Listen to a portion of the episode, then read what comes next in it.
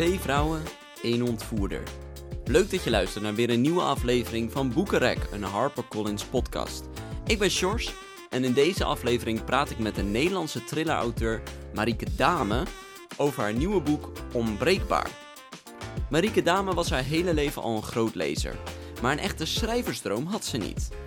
Toen ze rond haar 25ste besloot ze sabbatical te nemen en te gaan reizen, besloot ze haar ervaringen vast te leggen in een online blog. Compleet onverwacht werden deze teksten zo positief ontvangen dat ze bij thuiskomst toch dacht dat er misschien wel iets in dat schrijven zou zitten. Inmiddels zijn we twee kinderboeken en twee thrillers verder en is Marieke niet meer weg te denken uit literair Nederland. Met haar nieuwe boek Onbreekbaar brengt ze twee vrouwen samen die er alles aan moeten doen om hun angsten te overwinnen en in leven te blijven. Vandaag verwelkom ik in de Boekenrek podcast de auteur van de spannende nieuwe thriller Onbreekbaar. En dat is Marieke Dame. Welkom. Dankjewel, Sjors. Ja, leuk dat je er bent. Hoe is het? Ja, hartstikke goed. Vandaag is een hele bijzondere dag natuurlijk. Want uh, vanavond is de, de boekpresentatie, de officiële release van uh, Onbreekbaar. Dus uh, ja, het is echt een dag waar ik lang naar uit heb gekeken. Eindelijk. Eindelijk, ja. Ja, en, en maar onbreekbaar. We gaan natuurlijk niet te veel spoilen over het boek, maar het is een psychologische thriller. Maar de vraag, ben jij onbreekbaar? Oh, dat is een hele goede vraag. Weet je dat ik er nog helemaal niet over nagedacht heb? Ik, laat ik het zo zeggen, ik ben nu 45 jaar en tot nu toe ben ik nooit gebroken. Dus ah, kijk. Ik, uh, ik, denk dat ik redelijk onbreekbaar ben, maar niemand is onsterfelijk natuurlijk. Nee, precies. En uh, we, we, gaan even terug in de, in de tijd en even om mensen jou te leren kennen. Want ze zien jouw boek in de winkel liggen en denken, nou misschien uh, kennen ze jou niet. Dus nu de kans om jou beter te leren kennen. Dan gaan we even terug. Waar, waar kom jij oorspronkelijk vandaan? Ik kom uit het dorpje Weel in de Achterhoek. Kan je misschien ook wel een beetje horen aan mijn accent. dat ligt vlakbij Doetinchem. En uh, ik ben opgegroeid uh, op een boerderij. Ik heb twee oudere broers. Ik was echt een buitenkind. Uh, en als ik binnen was, dan, dan las ik. Dus ik ben echt een, een veel, le lezer geweest vroeger. En, en nog steeds overigens. Maar um, ja, ik was natuurlijk heel veel buiten, want we hadden de ruimte thuis. En ik was veel aan het voetballen met mijn broers en boompje klimmen. Nou, eigenlijk het hele traditionele beeld van een, uh, van een gelukkige jeugd. Dus het was een, een goede jeugd. En je zei, ik ben heel veel aan het, uh, was heel veel aan het lezen. Kwam, kwam dat echt vanuit jou? Of waren je ouders of je broers ook lezers? Nee, dat kwam wel echt vanuit mijzelf. Um, mijn moeder leest trouwens ook wel heel erg veel. Die verslindt boeken. Uh, mijn broers en mijn vader die lezen geen boeken. Wel, wel krant en VI en dat soort dat, uh, boeken. Maar um, Um, ik weet nog heel goed dat ik uh, op de kleuterschool zat en dat mijn moeder met mijn middelste broer uh, woordjes aan het leren was, aan het oefenen. En dat ik, uh, ja, ik wilde zo graag leren lezen, dat, dat ik echt dacht van, ik wil het ook, ik wil het ook. En mijn moeder zei van, ja, jouw tijd komt nog. En, en toen vanaf ja, groep drie, dat was toen de eerste klas, um, ja, mocht ik natuurlijk woordjes leren. En dat vond ik echt fantastisch. En ik had ja, daar denk ik ook al wel meteen mijn gevoel voor taal. En, uh, en ik vond het vooral heel gaaf om, uh, ja, om je te verliezen in, in verhalen. Dat, uh, maar ik, ik heb toen als kind nooit de ambitie gehad om te schrijven. Het is niet dat ik, al, dat ik toen al wist van nou, ik wil later schrijfster worden. Of, of dat ik veel bezig was met zelf verhalen bedenken. Het was niet dat als je een opdracht kreeg, zoals op de basisschool kreeg je wel eens van schrijf een verhaaltje hierover. Dat je dacht van oh, hier kan ik me helemaal in kwijt. Nee, dat dacht ik helemaal niet. Het was gewoon een verplicht dingetje. En, en ik deed het ook. En ja, ik kreeg er wel altijd gewoon goede cijfers voor. Maar ja, het was niet zo van... Uh, oh, dit is echt... Uh, hier ga ik eens even goed voor zitten. Het was meer uh, ja, verplicht werk, zeg maar. En moet je. Eigenlijk heel apart dat dat later ja, zo anders is geworden. Dus het heeft waarschijnlijk heel diep verstopt gezeten. en, en, en wat las je in die tijd vooral? Weet je dat nog? Ja, ik weet uh, dat ik uh, de hele serie van Pinkeltje bijvoorbeeld heb gelezen. Um, ik was ook helemaal gek van de Olijke Tweeling. Ja. Uh, Guus Kuijer later, um, Thea Beckman natuurlijk. Ja, de Donald Duck gewoon. Dat was altijd wel vechten bij ons. Dan kwam een autootje met de, de leesmap voorrijden. Ja. dan riepen we naar elkaar, of dan riepen we van uh, eerste Donald Duck. En die moest dan als eerste de Donald Duck lezen. Ehm, ja, ja, ik weet nog dat ik in, in onze plaatselijke bibliotheek liep en dat ik wel eens bang was dat, ik, dat, dat er geen nieuwe boeken meer voor mij zouden zijn. Omdat ik ik dacht, ja, als ik dadelijk alle boeken uit heb, hoe moet het dan? dat, ja, de gedachte van een kind. Ja. Dus ja, ik, ik, las heel erg veel. En je hoort wel vaker dat, uh, dat, dat kinderen die heel enthousiast lezers zijn en dan komen ze op de middelbare school en dan wordt lezen echt een moetje, maar dan is het ook van dat je bepaalde boeken moet lezen. was dat voor jou ook een moment van wat minder of was het bij jou juist van, oh, het werd aangewakkerd? Nee, het werd niet aangewakkerd. Het was eerder inderdaad ook dat het een beetje de kop in werd gedrukt. En, en ja, ik, ik, ik, zwaar, ik, schrijf zelf ook niet zwaar literair of zo. En um, ik lees dat ook niet zo heel snel. Maar ja, ik vind het prettig. Ik vind het zelf prettig om door een boek heen te vliegen. Dus dat is ook een beetje mijn schrijfstijl. Dat, dat hoor ik eigenlijk wel van iedereen terug. Dat de schrijfstijl heel vlot is en prettig. Um, en ja, de boeken die vaak op de, op de leeslijst zijn, ja, dat zijn natuurlijk wel uh, ja, vaak wat zwaardere literatuur, zeg maar. En uh, dus in die tijd weet ik wel dat ik er inderdaad wel minder heb gelezen, maar ik heb dat later wel weer opgepakt. En dan gewoon de boeken die, die ik zelf wilde lezen. En dat, ja, dat waren toch wel met name thrillers. Gek is dat, hè? Dat, dat, dan, dat er dan echt zo'n zo'n moment eigenlijk dat je je zou, heel erg zou kunnen vormen met wat jij leuk zou vinden en de grenzen kan verleggen, maar dat het dan juist minder wordt omdat, uh, omdat je een bepaald genre moet lezen. Ja, ja, eigenlijk is dat geen goede ontwikkeling geweest. Nee.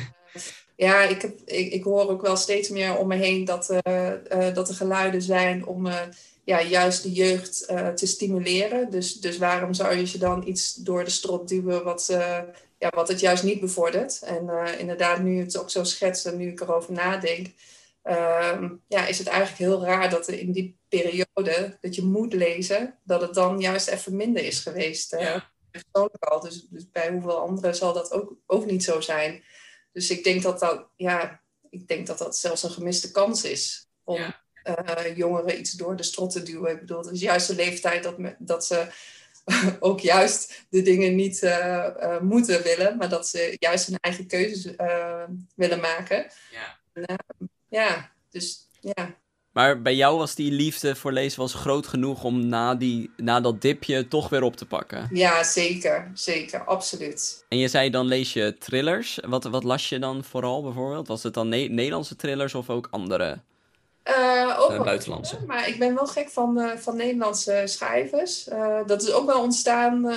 eerder maakte het me eigenlijk niet uit of ik nou buitenlands of Nederlands las. Daar keek ik eigenlijk niet naar. Maar toen ik zelf mijn interesse vond voor schrijven, toen ben ik gewoon heel veel, ja, juist Nederlandse auteurs gaan lezen. Omdat ik het ook belangrijk vind om Nederlandse auteurs, om, om het lezen, lees, lezend en schrijvend Nederland in stand te houden. Ja. En um, um, ja, toen is echt wel um, Esther Verhoef ben ik echt gek op. Simone van der Vlucht. Uh, Saskia Noord. Ja, eigenlijk de, de, de grote namen. Marion Pauw vind ik, uh, vind ik ook onwijs goed. ja, er, er, zijn heel veel mooie schrijvers. Ik vind uh, Carlos Ruiz Savon vind ik ook ontzettend goed. Is dan niet, geen thriller. Maar ja, het is wel een van mijn favoriete schrijvers. Geen Nederlander. maar uh, ja, er is zoveel moois nog. Ja. Ik wil zeggen dat het me op het moment een beetje ontbreekt eh, aan tijd om te lezen. Dus ik heb ook wel ehm, het luisterboek ontdekt. Oh ja. ja, dus, dus dat biedt dan toch de mogelijkheid om ja, boeken te, te ja, luisteren, lezen. Om toch in ieder geval de verhalen mee te krijgen. Nou, ik had hoorde laatst een onderzoek dat als je, als je een boek luistert, wordt hetzelfde deel van je hersenen geactiveerd als wanneer je het echt leest. Oh, dat is gaaf. Omdat je hersenen de, uh, de tekst die je leest eigenlijk doen alsof, het aan je, alsof je het hoort, zeg maar. Dus eigenlijk is een audioboek luisteren staat hetzelfde als gewoon een boek lezen. Uh, het doet hetzelfde met je hersenontwikkeling. Oh, top, top. Ja, want ik hoorde ook dat... Een vriendinnetje van mij is leerkracht Nederlands op bovenbouw VWO. En ja, er zijn ook kinderen natuurlijk met, of jongeren met dyslexie. Ja, voor hun is het luisterboek ook perfect, want het biedt ze dan toch de mogelijkheid om, om, om ja, de verhalen te, te horen dan. En ja, ik weet, mijn schoonzusjes zijn ook geen, geen lezeressen. Maar die, heb, die luisteren dus nu, uh, zijn echt vervent luisteraars nu. Dus ik denk dat het ook een hele nieuwe markt is die nu aangeboord wordt met het luisterboek. Dus ik vind het een hele goede ontwikkeling. En wanneer kwam voor jou dat moment dat je dacht van, hier wil ik onderdeel van zijn en ik wil, ik wil echt schrijver worden? Oh, ehm, dat is, ja, dat is eigenlijk een heel lang proces geweest. Er is niet, ik kan niet zeggen dat er één moment is geweest van ik wil schrijver worden dat is ontstaan. Ik kan wel uh, aangeven wanneer ik ben begonnen met schrijven. Dat is uh, toen ik een sabbatical heb genomen. Ik was een jaar of 25, uh, dus nu 20 jaar geleden. heb ik een sabbatical genomen en ben ik vrijwilligerswerk gaan doen in Zuid-Afrika. En daar ben ik begonnen met schrijven. En dan was het puur ja, meer in dagboekvorm. Dus ja, verhalen opschrijven die ik meemaakte. En dan gingen we één keer in de zoveel dagen gingen we naar zo'n bushcafé waar je kon internetten. En, en dan schreef ik mijn verhalen op voor de, voor de thuisfront. Maar dan dikte ik alles natuurlijk even net iets leuker aan. Zodat het uh, ja, allemaal leuk werd ook om te lezen. En daar kreeg ik zoveel reacties op van, uh, ja, van familie en vrienden. Van, goh, je schrijft zo leuk. En ehm, toen kwam ik terug uit Afrika en toen had ik niet zoiets van ik wil schrijver worden of zo, maar ik ben wel altijd blijven schrijven. En uh, ik merkte dat ik steeds meer dat de dingen die gebeurden, die ik opschreef, dat, ja, dat het altijd uh, spannender werd of, uh, of net wat smeuiger of dat ja, de werkelijkheid een beetje vervormen. Maar ik deed er niks mee. Ik liet alles gewoon op mijn laptop staan en ik maakte ook geen verhalen af of zo. En totdat in 2009 werd mijn zoontje geboren.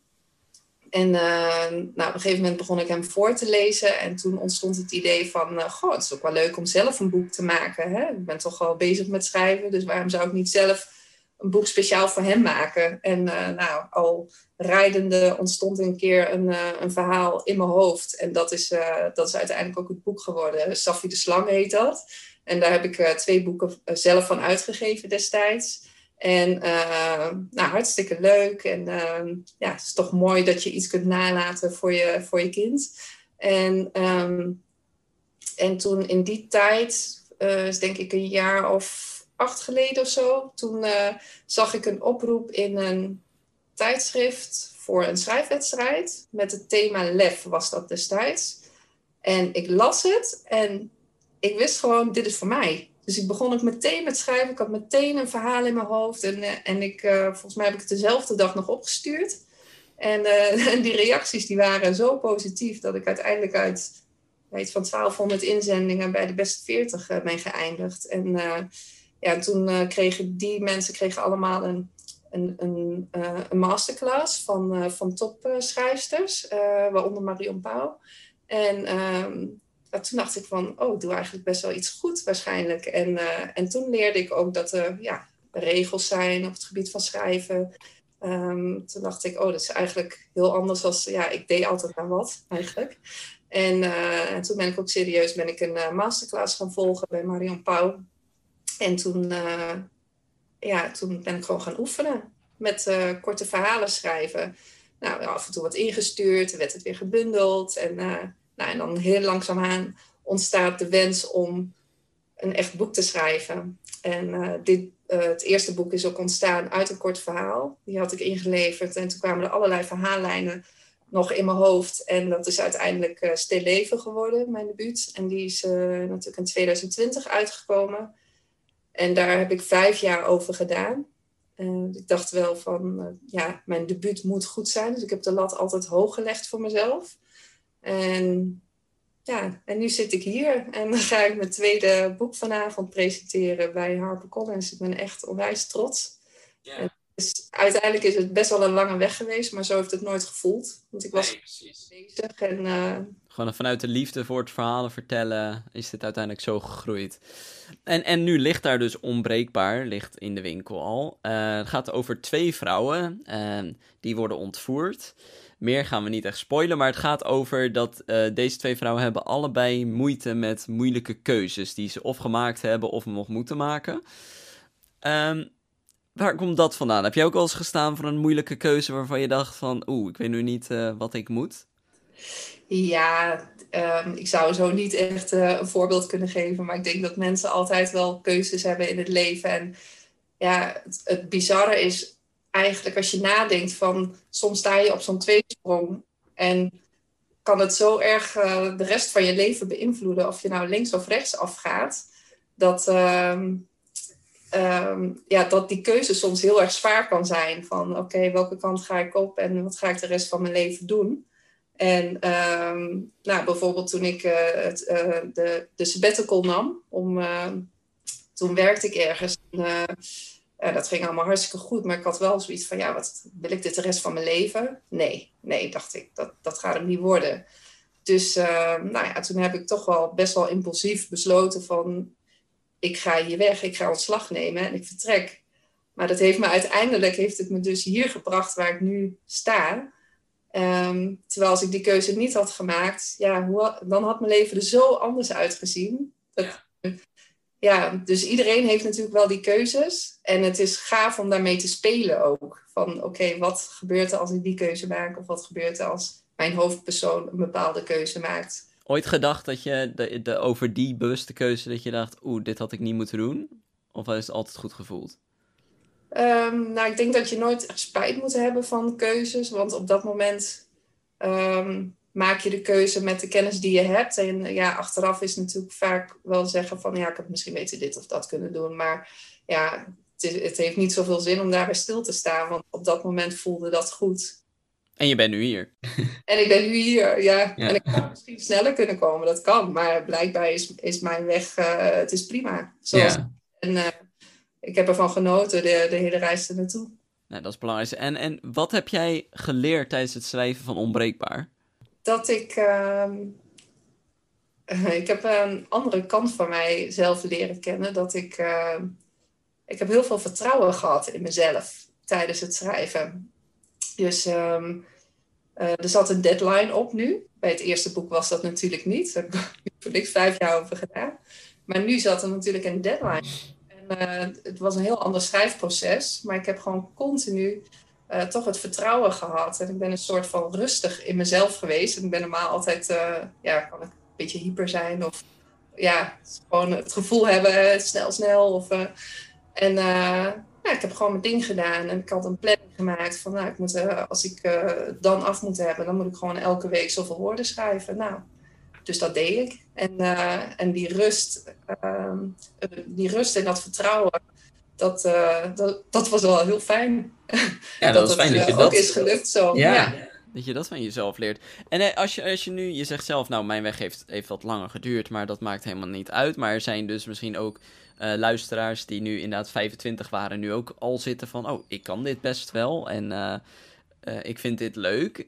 heb jij tips voor beginnende auteurs? Ja, volg, gewoon je hart. Ja, ik denk dat dat het belangrijkste is. Heb plezier in het schrijven en um, oefen vooral heel veel. Ja, als je net begint. ik heb ooit het geluk gehad dat ik Kluun Raymond van der Klundert uh, om tips mocht vragen. En hij, uh, hij gaf me een hele goede tip en die heb ik ook uh, te harte genomen. En, dat, en deze, die wil ik dan bij deze doorgeven. Lees ook heel veel. Want als je veel leest, dan leer je ook heel veel ja, voor het schrijven. Dus je krijgt gevoel voor taal, een gevoel voor ritme. Ik denk dat dat ook heel, heel belangrijk iets is tijdens het schrijven. Dat je een bepaald ritmegevoel hebt. Net als met muziek heb je ritmegevoel, maar dat heb je met taal ook. En als je zelf aan het schrijven bent, lees het gewoon eens hardop. Uh, ja, en vertrouw op jezelf. En probeer zoveel mogelijk te, schrijfmeters te maken. Want dat, dat, ja, daar leer je het meeste van. En daar groei je ook van als, als auteur zijnde. En als jij nu, als voor mijn laatste vraag, als jij terug mocht gaan in de tijd en naar je 18-jarige zelf, wat voor advies zou je haar geven? Um, ja, ga schrijven, want dat deed ik toen nog niet. nou, nee, um, ja. Um, ja, ik, zou, ik, zou ik was toen uh, volgens mij best nog wel een, uh, een onzeker meisje. Um, ja, ik zou mezelf, ehm, ik zou mezelf wat, wat uh, zelfvertrouwen geven, denk ik, op die, op die leeftijd. Als 18-jarige was ik, ja, was ik volgens mij best wel een onzeker meisje. Ja. Zelfvertrouwen, nou, ik denk dat mogen we allemaal, kunnen we dat heel goed gebruiken. Ik wil je heel erg bedanken voor je bijdrage vandaag in deze podcast. En ik wil iedereen die luistert aansporen om Onbreekbaar te gaan lezen. En, uh, nou, en vanavond dus de presentatie. En Marieke Dame, ik wil je heel veel plezier wensen. En uh, dank voor uh, dat je te gast wilde zijn. Dankjewel, ik vond het hartstikke leuk. Ben je ook zo benieuwd geworden naar dit nieuwe spannende boek? Onbreekbaar van Marieke Dame is vanaf nu overal verkrijgbaar. En dat was het weer voor deze aflevering van de Boekenrek podcast. Volgende week ben ik even met vakantie. Maar de week erna maak ik in de uitzending de winnaars bekend van onze 100ste aflevering Boekenpakket. Je kan nog steeds meedoen door je favoriete boekenrek moment te mailen naar info@harpercollins.nl en wie weet ben jij binnenkort de gelukkige winnaar van dit boekenpakket. Voor nu wens ik je nog een fijne dag, blijf gezond en blijf vooral lekker lezen. Tot de volgende keer.